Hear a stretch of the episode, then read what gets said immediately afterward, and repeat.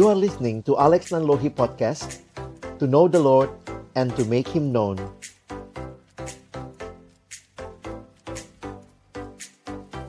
Pertama-tama saya bersyukur untuk kesempatan boleh sharing. Mungkin saya bilangnya sharing kali ya Karena sekali lagi ini jadi kesempatan yang indah untuk kita sama-sama Dibakar kembali, dibangkitkan lagi untuk mencintai firman Tuhan. Seringkali hal yang begitu biasa perlu terus diingatkan. Saya selalu ingat kalau naik pesawat, mau Bapak Ibu sudah naik itu berapa puluh kali, berapa ratus kali, berapa ribu kali, kalau itu pesawat komersial, maka tetap ada cara penggunaan sabuk pengaman, baju pelampung, hal-hal yang basic, tapi bisa jadi kita kurang notice ya, kita kurang memperhatikan jadi kembali lagi malam hari ini mungkin yang dibicarakan bukanlah hal yang benar-benar baru karena Bapak Ibu mungkin sudah melaluinya, bahkan sudah mengajar atau ikut belajar di dalamnya, tetapi kiranya kesempatan ini menjadi kesempatan Tuhan menyegarkan kita kembali. Saya rindu itu yang jadi bagian kita sehingga uh, nanti mungkin kita bisa coba share ya. Jangan cuma saya ngomong, tapi apa yang Bapak Ibu Saudara alami dan juga sudah lalui itu juga bisa di-sharingkan menjadi hal yang memperkaya uh, pengalaman kita berhadapan dengan firman Tuhan. Mari saya aja kita berdoa sekali lagi. Bapak Surgawi kami akan membuka firman-Mu, kami mohon bukalah juga hati kami Jadikanlah hati kami seperti tanah yang baik, supaya ketika benih firman-Mu ditaburkan itu boleh sungguh-sungguh berakar, bertumbuh dan juga berbuah nyata di dalam hidup kami. Berkati hambamu yang menyampaikan, semua kami yang mendengar, juga interaksi di antara kami. Pada akhirnya menolong kami, bukan cuma jadi pendengar-pendengar firman yang setia, penggali-penggali firman yang tangguh, tetapi juga boleh menjadi pelaku-pelaku firman-Mu di dalam hidup kami, di dalam keseharian kami. Dalam nama Tuhan Yesus Kristus Sang Firman yang hidup, kami menyerahkan sesi ini. Amin. Saya akan coba bagikan terlebih dahulu apa yang saya siapkan. Nanti Bapak Ibu Saudara kita punya kesempatan untuk boleh bertanya jawab ataupun saling share satu sama lain. Dan tema yang diberikan kepada kita malam hari ini adalah Fill my cup, Lord. Fill with thy words. Jadi ini satu hal yang indah melihat bagaimana firman Tuhan menjadi bagian penting seharusnya dalam kehidupan kita sebagai umat Allah. Saya mungkin ingin membagikan beberapa refleksi dan pengalaman saya berhadapan dengan umat Tuhan dan juga tentunya diri saya ya sebagai bagian dari umat Tuhan dalam kaitan dengan firman Tuhan. Saya pikir nanti bagus juga ya kita coba trace again our journey with the word of God. Coba kita lihat lagi perjalanan kita dengan firman Allah. Dan saya pikir salah satu yang menarik dalam gereja baptis adalah kebiasaan membahas seluruh bagian Alkitab dan itu menjadi sesuatu yang dibahas secara berurutan atau mungkin uh, ya bagian per bagian ya tetapi maksudnya satu kitab itu diselesaikan itu menjadi hal yang menarik dan mungkin anak-anak Tuhan di gereja yang lain yang tidak punya tradisi itu mungkin mereka tidak dapat kesempatan menikmati hal seperti itu. Nah, Bapak Ibu Saudara yang ada di gereja baptis dengan uh, kekayaan uh, warisan yang indah ini paling tidak ya pernah melewati kitab-kitab yang dibahas secara berurutan dan memberikan kepada kita pemahaman dan konteks. Jadi waktu saya coba menggali di pelayanan ya, bagaimana hubunganmu dengan firman Tuhan itu banyak banyak cerita-cerita unik ya. Ada yang bilang saya tuh nggak pernah buka Alkitab sampai waktu saya di kuliah misalnya ya, padahal orang Kristen. Hari Minggu juga. Jadi menarik sekali hubungan orang Kristen dengan kitab suci itu perlu kita pertanyakan, refleksikan, dan coba kita pahami juga dalam konteks kita. Nah, kalau ada misalnya pertanyaan seperti ini ya, apa bukti bahwa kita mengasihi Allah? Kalau ditanya apa sih bukti kita mengasihi Allah? Kadang-kadang kekristenan sibuk dengan simbol. Wah, bukti mengasihi Allah, lihat berapa banyak sumbangan saya. Bukti mengasihi Allah, lihat berapa besar kalung salib saya. Lihat di rumah saya ada foto Yesus di semua sudut ruangan. Ada foto Yesus bahkan di dompet saya. Tetapi bukti mengasihi Allah, satu ayat yang menarik Yesus berkata demikian. Yohanes 14 ayat 15, Jikalau kamu mengasihi aku, kamu akan menuruti segala perintahku. Wow. Uh, jemaat biasanya nyanyi ya. Kalau nyanyi itu kadang-kadang unik ya, semua dengan posisi yang luar biasa menyembah Tuhan, lalu nyanyi gitu. Aku mengasihi Engkau Yesus dengan segenap hatiku. Apa buktinya? Nah, lihat di referennya kan, Ku renungkan firmanmu siang dan malam Nyanyinya sambil tutup mata merem gitu ya Padahal nggak pernah membaca merenungkan Ku pegang firmanmu dan ku lakukan Asal nggak susah firmannya Engkau tahu ya Tuhan tujuan hidupku Hanyalah untuk menyenangkan hatimu dan hatiku. Wah, jadi sering kali kita bernyanyi mengekspresikan cinta kita kepada Tuhan dengan sikap yang begitu luar biasa waktu bernyanyi, tetapi betulkah dalam keseharian hidup kita firman Tuhan menjadi yang utama? Lagu itu mengatakan ku renungkan firmanmu siang dan malam. Orang Kristen sangat dekat seharusnya dengan Alkitabnya. Atau dalam bahasa yang lain begini, kekristenan itu berdasarkan kitab suci. Saya pikir kalau kitab suci diambil, ya maksudnya diambil kitab suci, maka yang runtuh itu bukan cuma hal-hal yang sederhana, kekristenannya runtuh. Karena semua hal yang kita pahami dalam hidup beriman kita adalah apa yang kita tahu, yang disaksikan, yang dinyatakan di dalam kitab suci. Karena itu kalau ditanya ya, misalnya kita ngajar anak sekolah minggu, dari mana tahu Yesus mengasihimu? The Bible tells me so. Dari mana tahu Tuhan Yesus bakal datang kali yang kedua? The Bible tells me so. Dari mana tahu saya harus mencintai, mengasihi orang tua saya? The Bible tells me so. Semua hal di mana saudara dan saya berdiri sebagai orang Kristen dasarnya adalah kitab suci.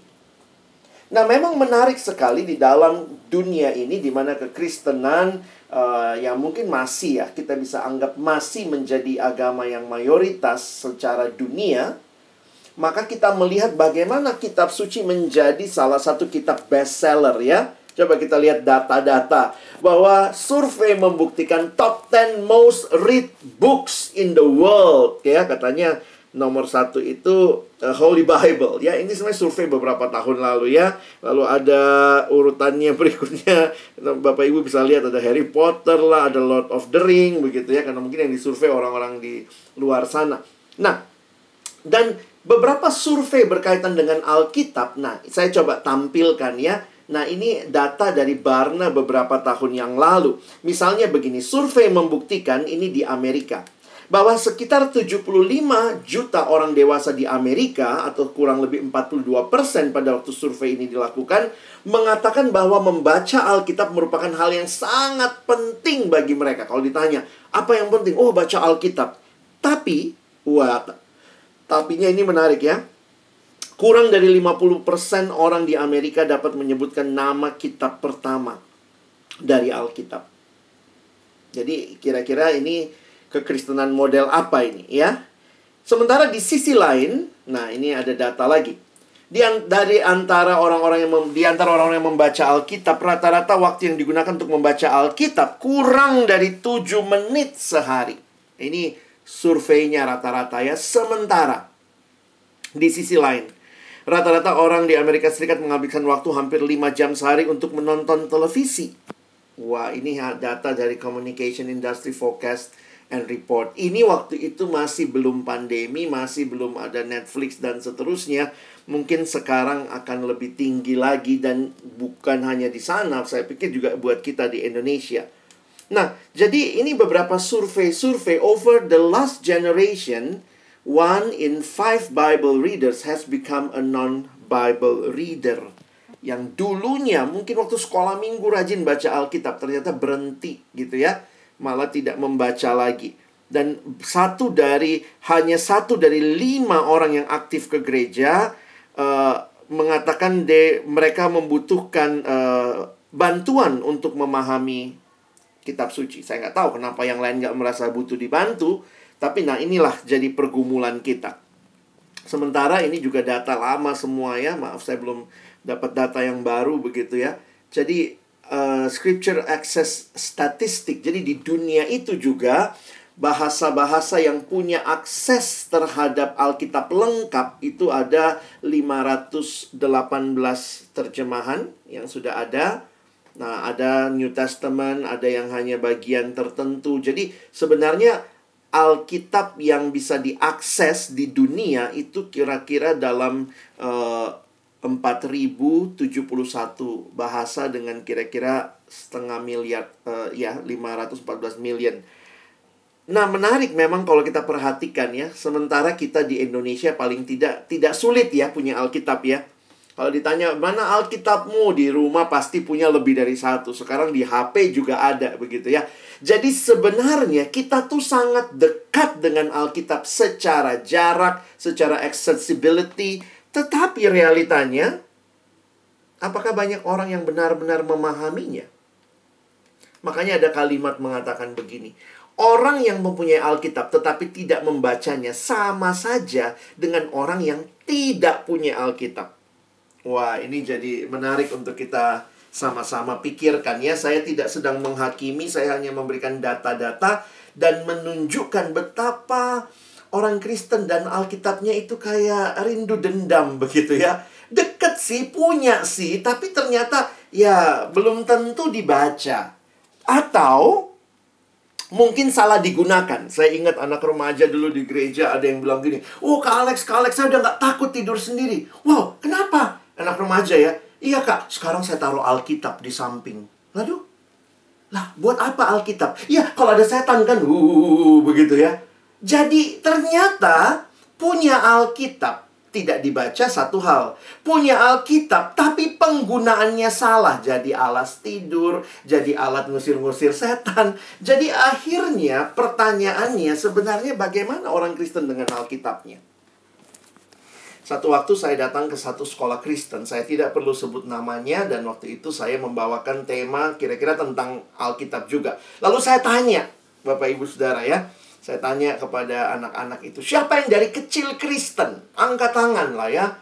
Kira-kira ada 200 anak pada angkat tangan. Itu yang dari kecil Kristen kira-kira karena itu sekolah Kristen kira-kira 90% lah ya angkat tangan. Oh, dari kecil Kristen. Oh ya, yang lahirnya udah namanya Matius, Markus begitu ya, Maria. Oke, terus saya tanya lagi.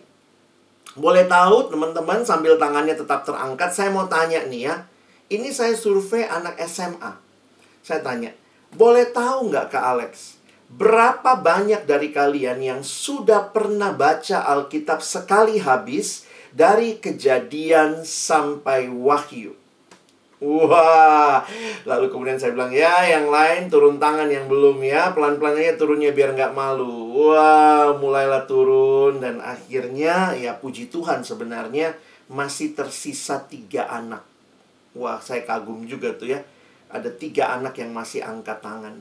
Saya tidak mengatakan mengukur kerohanian dari berapa kali dia baca Alkitab ya. Kalau cuma baca juga nggak ngerti, nggak paham ya itu hal lain.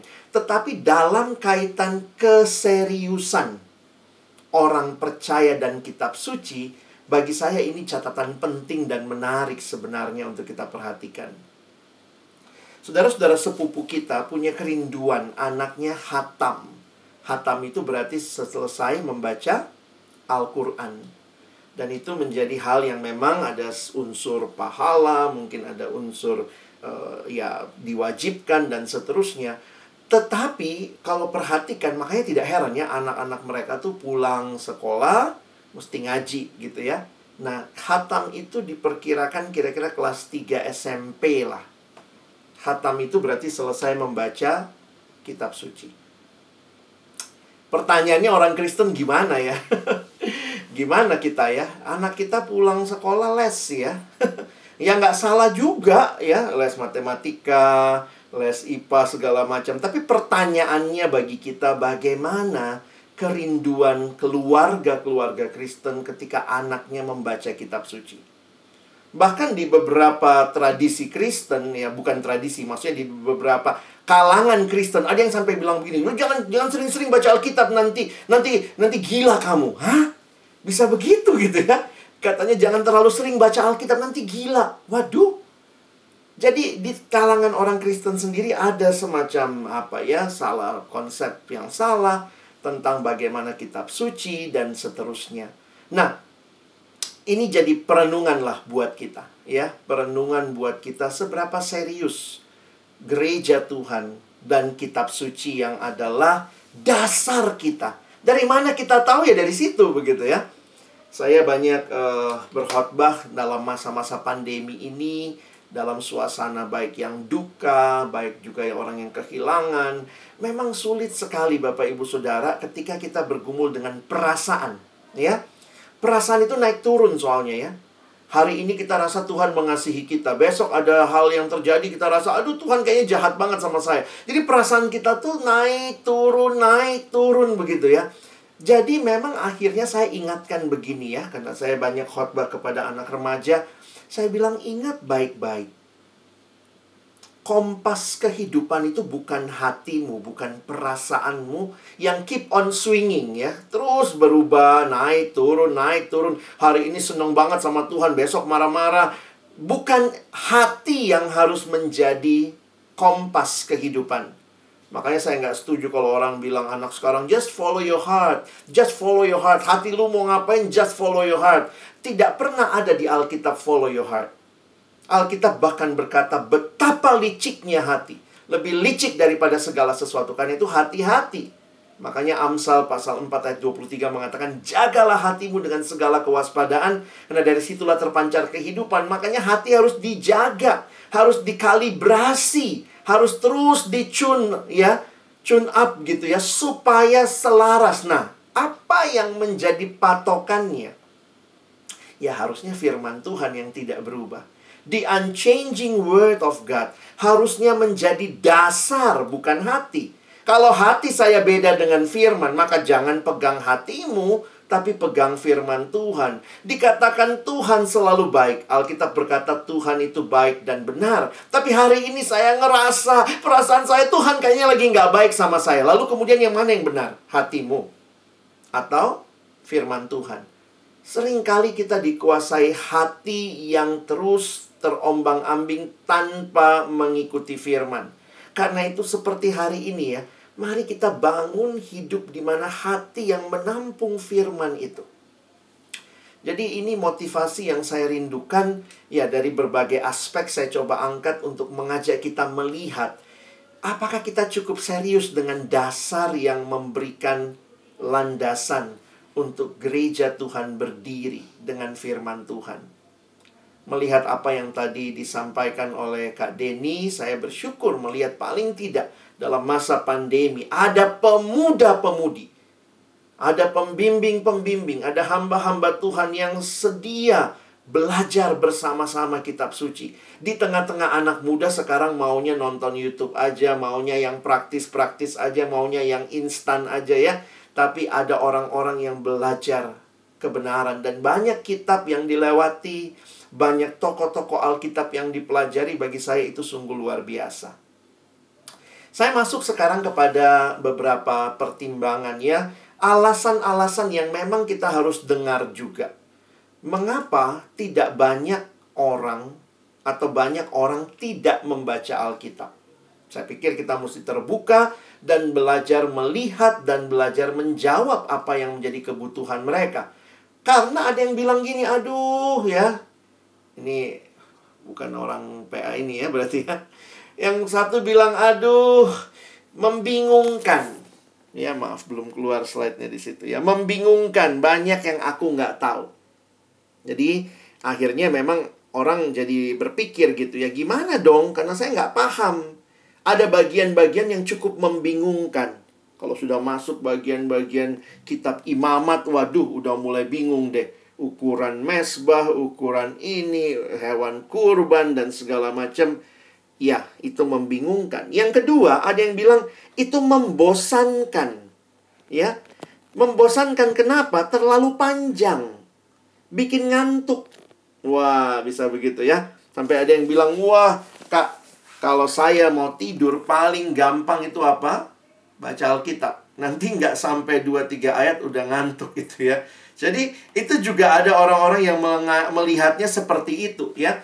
Jadi membosankan, terlalu panjang dan bikin ngantuk. Jadi memang untuk menjangkau generasi ini saya pikir kita pun perlu untuk melihat ya bagaimana mengkaitkan dengan konteks sekarang. Saya pikir bukan Alkitabnya yang dibuang. Bukan tidak dibaca sama sekali. Lalu yang ketiga yang berkata bahwa ini beda zaman, beda budaya, apa hubungannya sama hidup saya? Ukuran mesbah sama hidup gua jauh banget gitu ya. Sangka kalah sama hidupku gitu ya. Kejatuhan Adam di Taman Eden, apa hubungannya sama hidup saya sekarang? Jadi ini ada hal-hal yang kita harus sadari. Karena itulah saya pikir kita perlu menolong khususnya ya orang-orang muda melihat betapa indahnya firman Tuhan sebenarnya ketika kita membaca, merenungkannya, menerapkannya, bahkan membagikannya. Mazmur 119 ayat yang ke 130 ya. Mazmur 119 ayat 130 mengatakan bila tersingkap firman-firmanmu memberi terang, memberi pengertian kepada orang-orang bodoh. Waktu melihat ayat ini saya pikir di sini ada satu bagian yang penting bahwa ini tersingkap. Nah, ini jadi menarik ya untuk kita perhatikan. Di satu sisi Allah yang menyingkapkan pastinya. Tapi di sisi lain Tuhan pun juga memberikan kepada kita kemampuan, keterampilan untuk kita menggalinya. Jadi saya pikir jangan jangan satu sisi saja ya. Wah, ini indah, Tuhan menyingkapkan, tapi harus ada bagian kita melakukannya. Kita studi dengan baik, kita gali dengan baik. Saya ingat ya dulu ya ini ketahuan angkatannya ya. Zaman dulu ada yang ini ya ada iklan gitu suka suka dibecandain ya. Ada iklan Rinso mencuci sendiri. Wah ini buat generasi yang lahir belakangan nggak tahu kali ya. Tapi dulu slogannya begitu Rinso mencuci sendiri jadi katanya ada suami istri beli rinso. Lalu kemudian mereka mau minta rinso kan mencuci sendiri. Jadi akhirnya dia buatlah air satu baskom, taruh baju ke situ, lalu dia taruh rinso di sebelahnya, lalu mereka menunggu. Rinso akan mencuci sendiri. Apa yang terjadi? Wah, belum ada yang terjadi. Terus istrinya bilang, udahlah pak, kita tidur saja. Jangan sampai kita liatin, nanti Rinso malu. Ya udah biarin aja nanti Rinso mencuci sendiri. Akhirnya mereka tidurlah malam itu dan besok paginya waktu bangun semua masih seperti sedia kala. Rinso tidak mencuci sendiri. Dia punya rinsonya tapi dia nggak tahu cara pakainya. Nah, saya pikir jangan sampai kita punya Alkitabnya, tapi kita nggak nikmati seperti anak yang tadi saya cerita ya. Kak Alex, saya udah nggak takut tidur sendiri. Kenapa? Alkitab ditaruh jadi alas tidur. Nah, karena itu kita harus bisa memahaminya. Nah, berharap melalui melalui nanti sesi minggu depan gitu ya, saya akan tolong uh, Bapak Ibu Saudara untuk bisa melihat prinsip-prinsip tadi bagaimana dong dalam penerapannya ya. Bagaimana bisa meng mengatasi uh, konteks budaya yang berbeda jauh. Apa yang harus kita lakukan? Nah, itu semua membutuhkan uh, sebuah pelatihan yang saya pikir akan menolong kita juga untuk bisa menggali dengan lebih tepat. Nah, indahnya ketika tersingkap itu memberikan pengertian seperti yang malam ini kita jadikan tema membuat kita merasa sukacita karena kita memang menemukan apa yang sebenarnya Tuhan mau melalui hidup kita. Tadi Kak Denny juga sudah mengangkat ayat ya, manfaat firman Tuhan. Nanti kita lihat ayatnya dalam 2 Timotius. Tapi saya mau coba ajak kita melihat, sering kali itu kita hanya memanfaatkan Alkitab dengan cara-cara tertentu, ya yang tidak tepat. Nah, misalnya paling sering itu yang tadi juga Kak Denny sudah bilang ya, kita manfaatin Alkitab kayak kotak obat. Ah, lagi sakit kepala nih, ya sudah sakit kepala maka carilah bagian sakit kepala. Oh, lagi duka cita nih, oh carilah bagian itu. Jadi sebenarnya memang ada ayat-ayat itu. Saya nggak bilang nggak ada, ini daftarnya ada. Jika Anda sedang takut, cemas, duka cita. Tetapi kalau kita hanya membaca Alkitab model begini, poinnya apa? Poinnya adalah apa yang kita pengen. Gitu ya. Apa yang sedang jadi kondisi kita semata. Sementara Alkitab bukan hanya bicara seperti kotak obat. Mazmur 23 tidak hanya ditulis untuk ketakutan saudara gitu ya. Kita mesti belajar juga Mazmur yang lain, keindahannya dan seterusnya.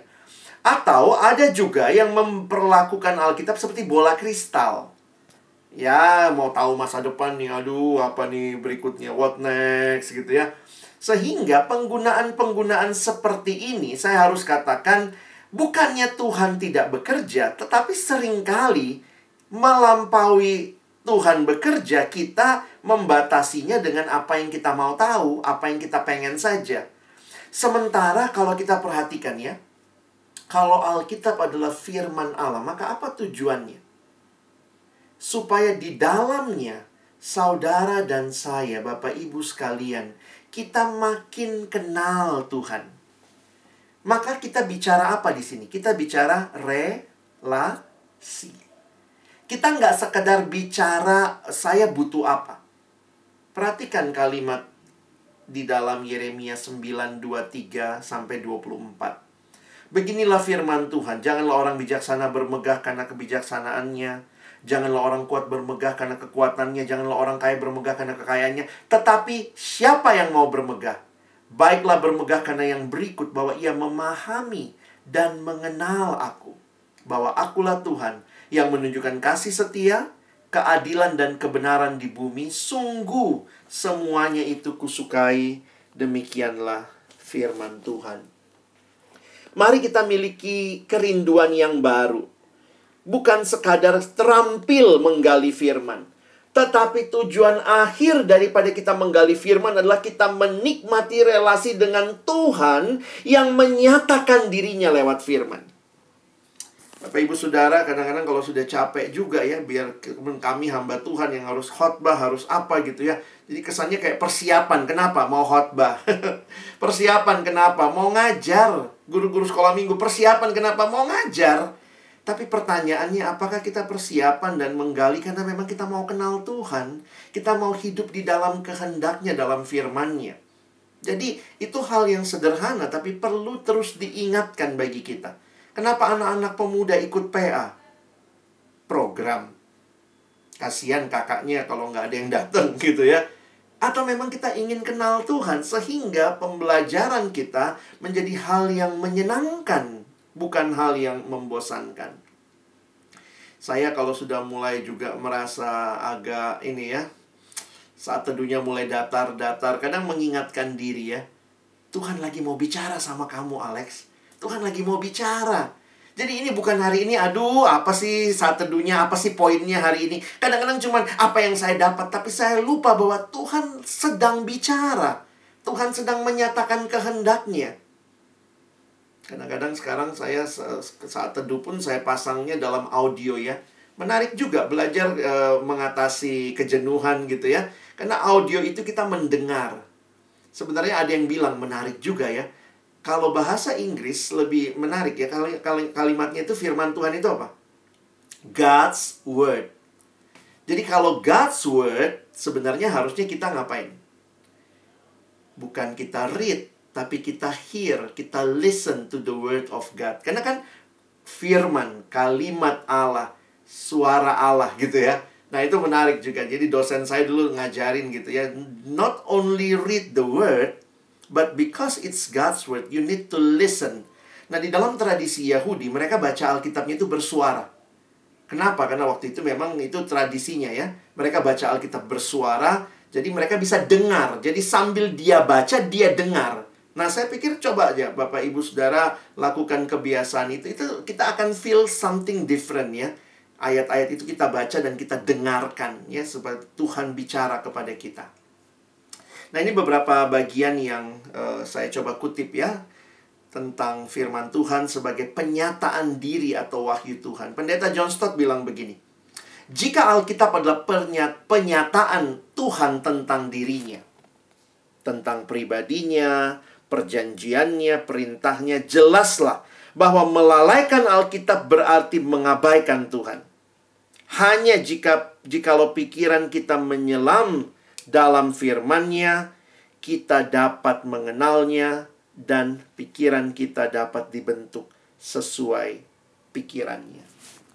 Wah kalimatnya keras juga ya. Melalaikan Alkitab berarti mengabaikan Tuhan. Kita nggak maulah mencetak orang Kristen gereja aktif datang tiap minggu tapi mengabaikan Tuhan.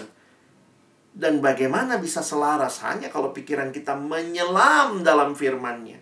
Kita dapat mengenalnya dan pikiran kita dapat dibentuk sesuai pikirannya. It's more about relationship rather than just a study. Wah, PA, penggalian, pemahaman, pembelajaran, kita mau pakai P-nya apa pun, tapi it's more about relationship rather than just a study. Nah, apa tujuan Alkitab diberikan?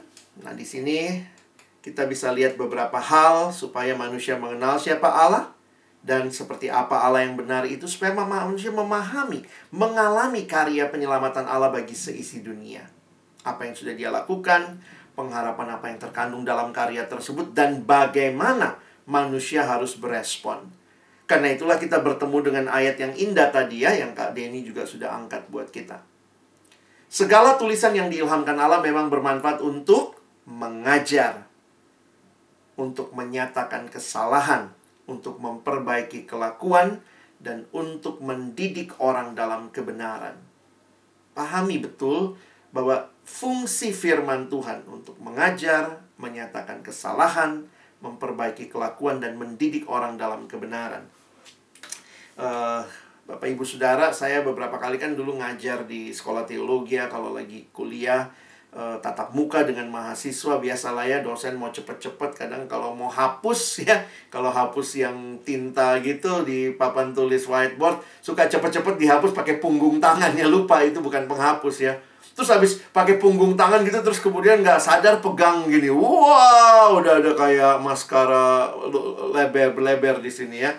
Nah biasanya tuh kalau sudah begitu, mahasiswanya ketawa-ketawa ya. Hihihi. Oh, udah tahu nih. Eh, kena ya? Iya, Pak, gitu ya. Lalu kemudian uh, ambil tisu biasanya ambil tisu. Sini ya, sini ya. Iya, Pak. Oh, digituin. Wow, malah tambah banyak gitu ya. Nah, paling gampang ke mana? Pergi ke depan cermin. Di situ waktu lihat cermin, oh iya ya, ini nih cemong ke sini. Kita persis tahu lokasinya yang mana seperti itu saya membayangkan firman Tuhan. Memberitahukan kepada kita.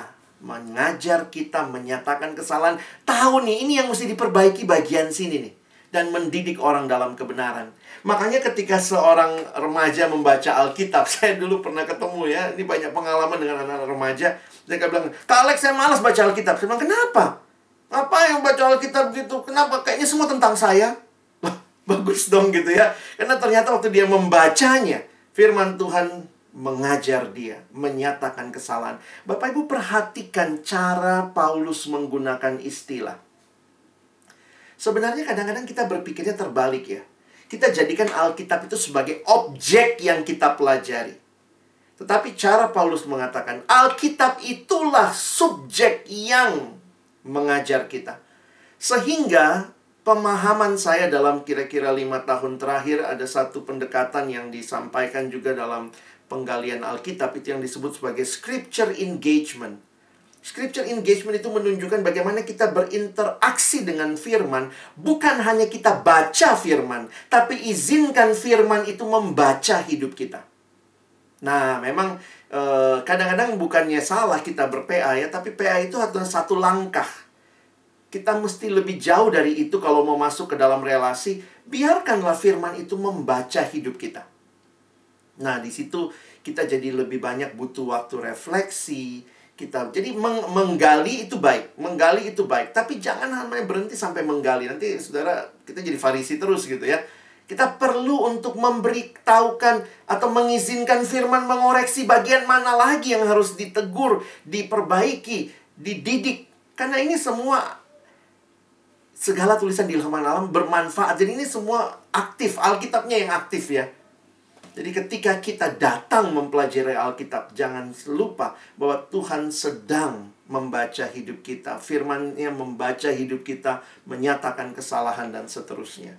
Wah, jadi ini indah sekali kalau kita pahami. Makanya, kalau kita perhatikan, lihat di dalam bagian uh, eh, 2 Timotius itu ya, ini mendasari pemahaman, membentuk perilaku, dan bagi orang muda, mungkin ada yang nanya, kita kan masih muda kak, masih pengen happy-happy, senang-senang. Nah, senangnya harusnya ini nih. Dengan apakah seorang muda mempertahankan kelakuannya bersih? Dengan menjaganya sesuai dengan firmanmu. Firman Tuhan bekerja, itu firman yang hidup. Firman yang menguasai hati, mendidik kita, menolong kita, melihat bagaimana seharusnya kita hidup. Jadi kalau kita perhatikan, membaca Alkitab menjadi bagian penting dalam hidup orang muda, harusnya begitu. Karena kan menjaga kelakuan bersih, jaga dengan firman. Ya, ini beberapa kutipan sebagai bagian penutup. The Bible will keep you from sin. Ini kata D.L. Moody. Or sin will keep you from the Bible. Jangan heran ya kalau kita menikmati dosa kita makin malas baca Alkitab. Biasanya begitu ya. Tapi kalau kita baca Alkitab harusnya kita makin peka untuk tidak terus-menerus berdosa. Bukan berarti nggak bisa berdosa ya. Tapi kiranya kita makin ditolong melalui encounter kita dengan firman Tuhan. Nah, satu bagian lagi yang saya sering kali temui, jadi anak remaja tuh suka gini ya. Uh, misalnya kalau udah mau kelas 3, ya kelas 12, tiba-tiba datang gitu. Aduh, Alex, saya nggak tahu nih Tuhan mau apa buat hidup saya. Oh gitu, Ih, gila ya anak remaja udah Tuhan mau apa. Saya nggak tahu Tuhan mau saya masuk ke mana. Kak, Tuhan kayaknya mau, Tuhan mulu ngomongnya ya. Terus saya tanya, oh gitu deh, kamu mau tahu kehendak Tuhan dong? Iya kak. Saya tanya, eh kamu rajin baca Alkitab nggak? Nah itulah kak masalahnya lagi sibuk ini lagi kelas 12 sibuk sekali. Oh gitu. Mau tahu kehendak Tuhan tapi tidak mau baca firman Tuhan dari mana ceritanya gitu ya. Jangan sampai kita hanya jadi orang-orang yang berkata Tuhan tunjukkan jalanmu. Makanya kalimat ini jadi menarik ya. Don't say God is silent when your Bible closed. Tuhan lagi diem nih, nggak menyatakan. Ya kamu tutup Alkitab, nggak dibaca. Tapi kalau itu pun dibaca, ingatlah. The Bible was not given for our information only, but for our transformation. Maksudnya, Alkitab bukan hanya untuk menambah pengetahuan, memberi informasi, tetapi transformasi itu jadi tujuan kita berPA. Mengubah kehidupan. Saya tutup dengan kalimat pendeta John Stott lagi. Dia berkata, "We must allow the word of God to confront us." Ini firman yang hidup.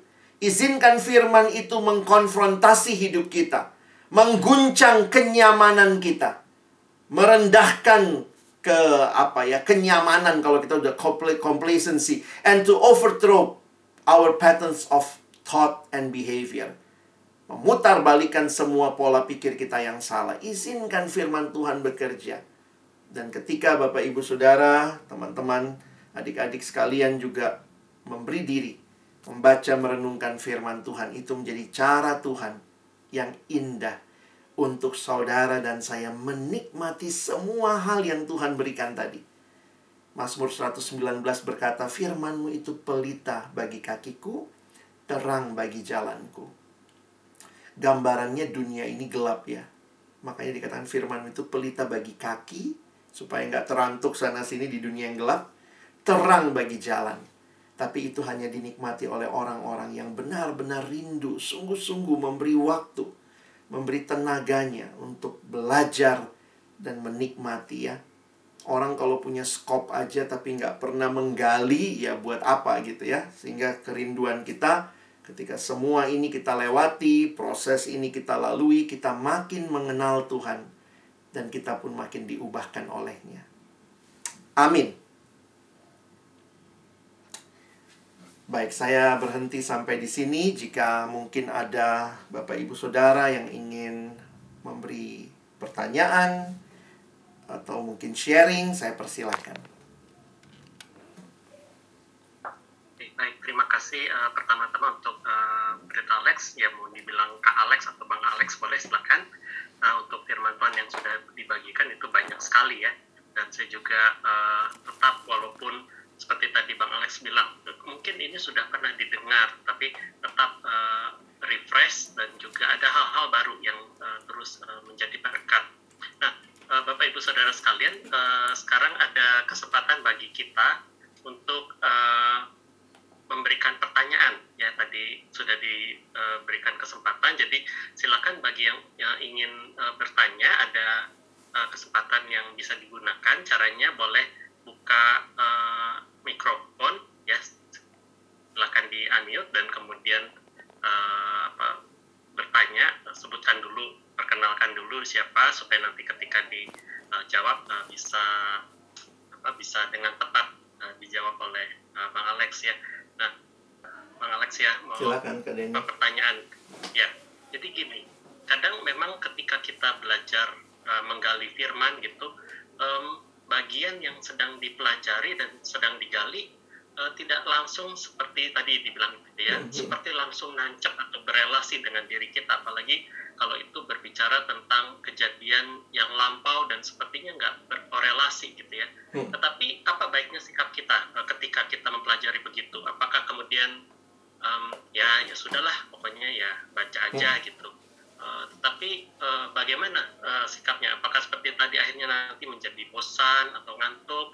Atau paling tidak bagaimana mengantisipasi perasaan-perasaan yang timbul ketika kita pikir gue nggak nyambung nih sama pembacaan yang ini hmm. atau nggak nggak nggak connect nih dengan yang ini mungkin iya. itu hal praktis juga yang bisa uh, bang Alex bagikan buat kita thank you kak Denny uh, saya suka pakai analogi ya. Analoginya mungkin begini. Kalau kita pacaran sama orang yang kita suka tapi bener ya sama yang kita suka juga nggak semua ceritanya kita nyambung ya. Tiba-tiba dia cerita tantenya lah yang di mana lah. Dia ceritalah rumah rumah omnya lah. Tiba-tiba cerita uh, hewan yang jadi belum tentu interest kita. Tapi sisi yang lain itu interest dari dia. Nah, saya coba menghayati gitu ya. Kalau sampai Tuhan kasih firman-Nya yang saya perlu tahu dari tentang Tuhan, maka mungkin saya butuh sedikit effort lah ya, lebih lebih lagi effort lebih untuk memahami itu. Sama lah kalau kayak misalnya pacar kita pasangan kita cerita yang nggak kita kita nggak menarik lah. Teman-teman seneng banget bola tapi mungkin pasangannya nggak seneng bola jadi waktu kita cerita bola dia sih dengerin sih tapi mungkin dia butuh mendengarkan dengan uh, perlu lebih extra effort nah di poin itu nanti Kak Denny saya pikir kita perlulah untuk misalnya sekarang banyak tools banyak tools yang menolong kita. Jadi kalau kita mentok misalnya, ini apa sih artinya? Jangan nyerah. Si selalu ingat, kenapa Tuhan mau sampaikan ini? Kira-kira Tuhan mau apa? Nah, dengan sikap hati yang tidak cuek, hanya karena nggak paham, maka ya kita bisa nabung lah ya. Dalam arti ya, kita mungkin bisa catat, nanti kita tanya, kita bisa dengarkan beberapa pembahasan di YouTube sekarang ada banyak sekali yang baik untuk bisa menolong kita memahami bagian-bagian tertentu. Nah, saya usulkan salah satunya mungkin uh, teman-teman juga bisa nonton Bible Project ya. Nah, Bible Project itu kan membahas Alkitab kitab per kitab dalam gambar atau uh, potret besarnya. Nah, itu menarik juga. Jadi waktu kita membaca, kita jadi bisa punya sense, oh ini toh maksudnya begitu. Jadi memang kadang-kadang ya kayak foto polaroid ya. Awalnya lama gitu di kipas-kipas dulu, tapi nanti makin lama makin jelas kok. Jadi jangan menyerah. Terus tetap punya kerinduan bahwa Tuhan lagi bicara nih sama saya. Kenapa saya dikasih ini ya? Dan nanti dari situ kita coba berusaha ya. Tanya hamba Tuhan, pendeta-pendeta, tanya kakak-kakak yang mungkin juga lebih mendalami. Dan kita jadi belajar lebih banyak. Mungkin itu. Oke, baik. Terima kasih.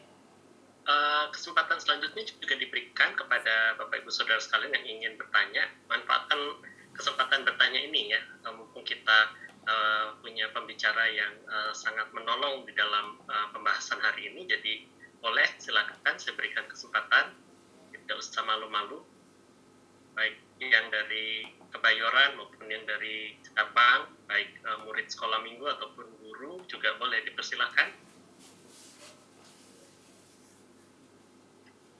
Oke, silakan Kak Keti. Baru pertama nih datang ya, terlambat pula. uh, makasih untuk uh, undangannya dan apa akhirnya bisa juga tapi memang pasti setiap malam kalian saya baru bisa gabung jam begini uh, ini tadi uh, mengingatkan saya pribadi ya jujur saya juga termasuk yang ada momennya baca maksudnya PA pribadi ya kalau baca satu dua oke okay lah ya gitu. tapi PA pribadinya jadinya kata persiapan pelayan dan akhirnya saya menyadari saya uh, stuck gitu loh. Kayak apa ya karena kayak ngejar target gitu. Loh terus ngikutin goalnya ngikutin apa kan dari kasih itu biasa temanya tujuan. Nah tetapi akhirnya eh, apa ya bener sih kak. Hmm. jadi cuma itu aja jadi kayak nggak ada kreativitas kalau kalau kalau saya pribadi nggak bisa seperti itu. Gimana ya maksudnya apa bertobat sih pasti ya harus ya. Jadi uh, makasih lah mungkin awal tahun ini jadi buat saya pribadi ya bukan ber-PA karena ada pelayanan hmm. Hmm. tapi ber-PA karena tapi ada nggak sih dari bang Al sendiri pribadi ya untuk yang uh, apa kita sudah komitmen lah ya melayani tapi nggak terjebak dalam rutinitas hmm. sehingga aku sendiri jadi juga listen people gitu. Jadi kayak ngikutin goalnya aja tujuannya udah gitu aja gitu. Jadi waktu dengerin tadi penjelasannya kebetulan hari ini tadi baru ngajar nanti ada jadwal lagi. Jadi mm -hmm. ya tapi bener juga ya. Nah itu mungkin uh, sorry. Makasih. Thank you. Sama, sama tipsnya ya kalau uh, saya boleh respon langsung ke Denny? Silakan, silakan. Yeah. Nah, um, menarik tadi apa yang disampaikan oleh Kak Keti dan sebenarnya ini ya, pendekatan yang saya bilang tadi ya. Saya sendiri juga baru sedikit merdeka setelah uh, belajar sedikit lah pendekatan tentang scripture engagement. Maksudnya begini, saya coba share sedikit ya, walaupun ini saya belum terjemahin masih dalam bahasa Inggris. Hmm, jadi kata kata Bible study atau kata studi itu memang menjadi kata yang agak menakutkan buat beberapa orang khususnya karena itu very technical. Nah, scripture engagement ini bicara begini, the Bible mention many ways of handling God's word. Ternyata di dalam Alkitab itu kaitan dengan firman itu banyak kata yang dipakai. Jadi menarik ya misalnya praising, honoring, hearing, meditating, taking to heart, remembering, bahkan ada kata eating, studying. Jadi kalau kita bilang PA itu sebenarnya cuma studyingnya. Maksudnya gitu ya. Ada understanding, accepting, receiving, trusting, doing, obeying, teaching, singing, proclaiming, and more. All of this is scripture engagement. Nah, sebenarnya makin kaya kita menghayati bagaimana handling God's word, not only studying it, itu membuat kita juga makin merdeka sebenarnya ya untuk misalnya begini. Uh, tentu memang kita itu kita mungkin karena pengaruh budaya modern ya paling paling fokusnya tuh studyingnya. Makanya kan kayak sekolah teologi ya belajar gitu ya tetapi kita kehilangan keintiman dengan Tuhan dalam hal-hal yang lain. Jadi, buat saya sendiri, ini membuat saya makin terbuka untuk lebih kreatif mengajarkan firman. Jadi, uh, sekali lagi, fokus studi itu baik, tapi jangan kemudian merasa hanya all study. Nah, memang ini ada uh, ada ada teman-teman yang melakukan training training scripture engagement sebagai pendekatan ini bukan pendekatan baru karena sebenarnya Alkitab sendiri mengatakan bahwa Alkitab tuh bukan hanya dipelajari, tapi kita menyanyikannya, kita memproklamasikannya, kita mengajarkannya, bahkan ada eating. Kata eating tuh menarik ya dalam satu video digambarkan berarti benar-benar kita kunyah. Nah, kalau kita perkenalkan pendekatan-pendekatan ini, kalau Bapak Ibu perhatikan, teman-teman perhatikan, ini kan sebenarnya pendekatan mengajak kita. Jadi gini, mungkin nanti ke depan ya, ke depan. Bukan lagi kita ajak, yuk PA yuk.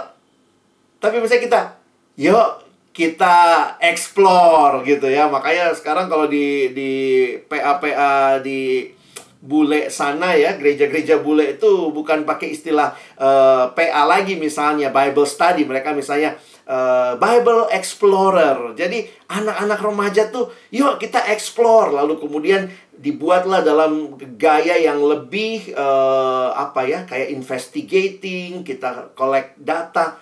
Tapi memang ya semua ini harus melewati proses dan prosesnya ini yang kita butuh perubahannya menurut saya perubahan sikap sih ya. Bahwa bukan hanya saya belajar firman, tetapi saya mengizinkan atau saya terbuka untuk firman membaca hidup saya.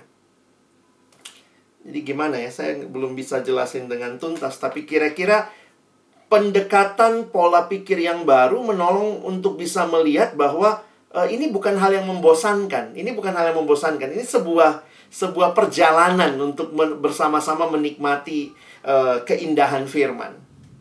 Mungkin itu dulu. Oke, terima kasih Alex.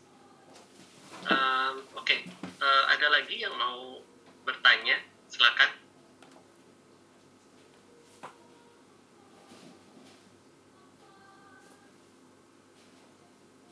Ada beberapa uh, yang mungkin dulu uh, uh, saya punya, tapi kemudian belakangan saya baru menyadari bukan seperti itu ya. Hmm. Ini ya apa eh, teringat tadi ketika baca bagaimana uh, pemahaman kita ketika kita uh, merenungkan firman Tuhan kan dari dulu selalu diingatkan baik untuk uh, persekutuan mahasiswa ataupun juga hmm. ketika di sekolah minggu untuk selalu memiliki saat teduh pribadi setiap hari ya baca Alkitab yeah. dan doa apakah kemudian itu nah ini dulu pemahaman saya kalau misalnya nggak saat teduh baca Alkitab tiap hari itu bisa jadi hari itu bakal berantakan deh gitu ya sementara kalau misalnya uh, apa baca aman-aman gitu itu dulu konsep yang saya miliki ya bagaimana pendapatnya karena ternyata kadang-kadang nggak baca Alkitab uh, ternyata aman-aman aja gitu atau hmm. udah didahului dengan baca Alkitab ternyata hari itu juga penuh dengan struggle gitu hmm.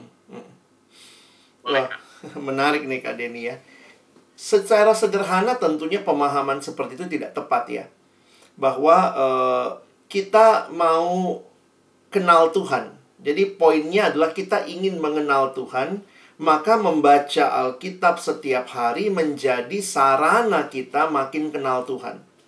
Sebenarnya secara sederhana, jadi di situ bukan masalah hukuman ya, dalam arti kalau nggak baca Alkitab, wah nanti Tuhan hukum hari ini sial banget, mau coba ini, coba itu.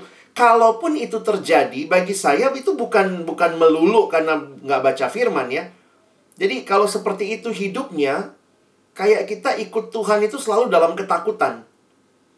Tapi milikilah pemahaman bahwa ya Tuhan mau ketemu sama kita, Tuhan mau bicara kepada kita, dan setiap hari dia memberi waktunya bagi kita ya pertanyaannya kita memberi waktu nggak untuk membaca merenungkan firman Tuhan?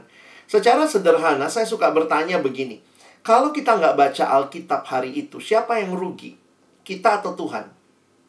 Sebenarnya kan kita yang rugi ya. Tuhan nggak rugi apa-apa. Tapi jangan juga dibalik kalau begitu ya sudah toh nggak baca Alkitab juga nggak katanya nggak nggak hancur harinya nggak apa. Tapi itu ya uh, kita kehilangan, bagi saya kita kehilangan kesempatan menikmati Tuhan setiap hari.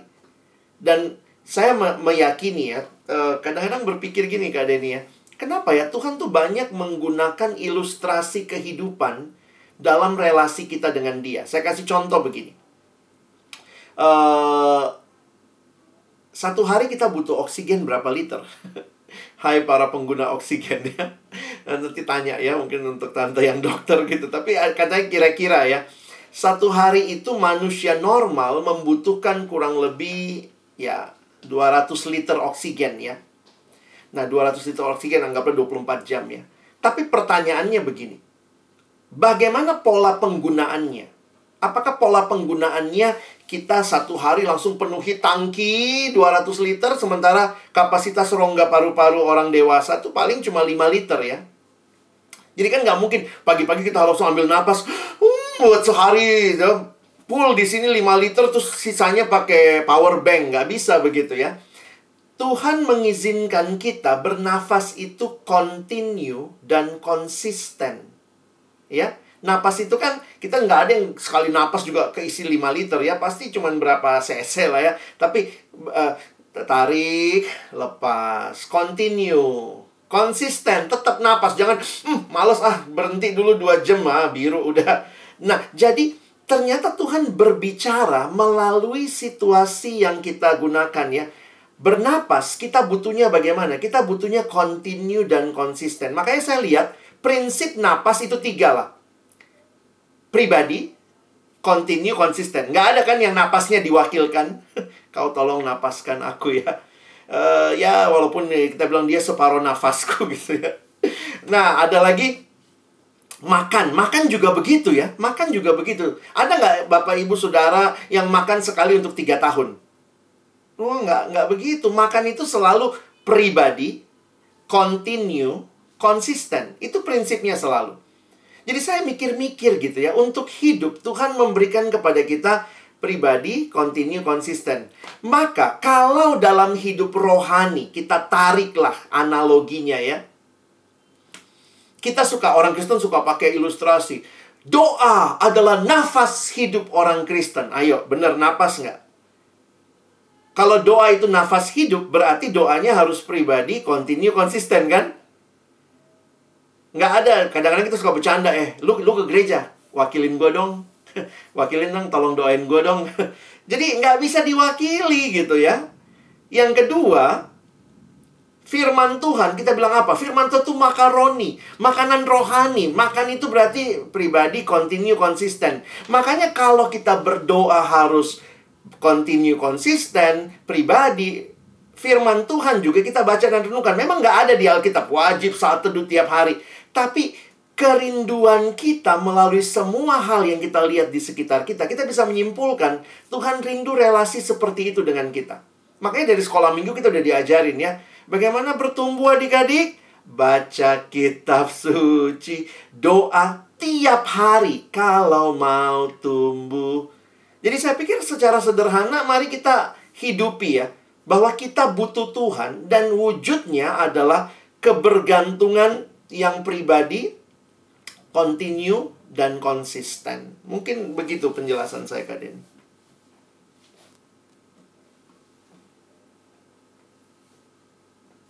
Terima kasih uh, untuk keterangannya ya, Bang Alex. Jadi prinsip PKK itu tadi jadi prinsip yang menarik ya, pribadi, continue, konsisten. Yeah. Jadi ingat untuk baca Alkitab dan doa juga harus PKK ya, pribadi, continue, konsisten. Baik. Um, terakhir, apakah masih ada lagi yang akan bertanya?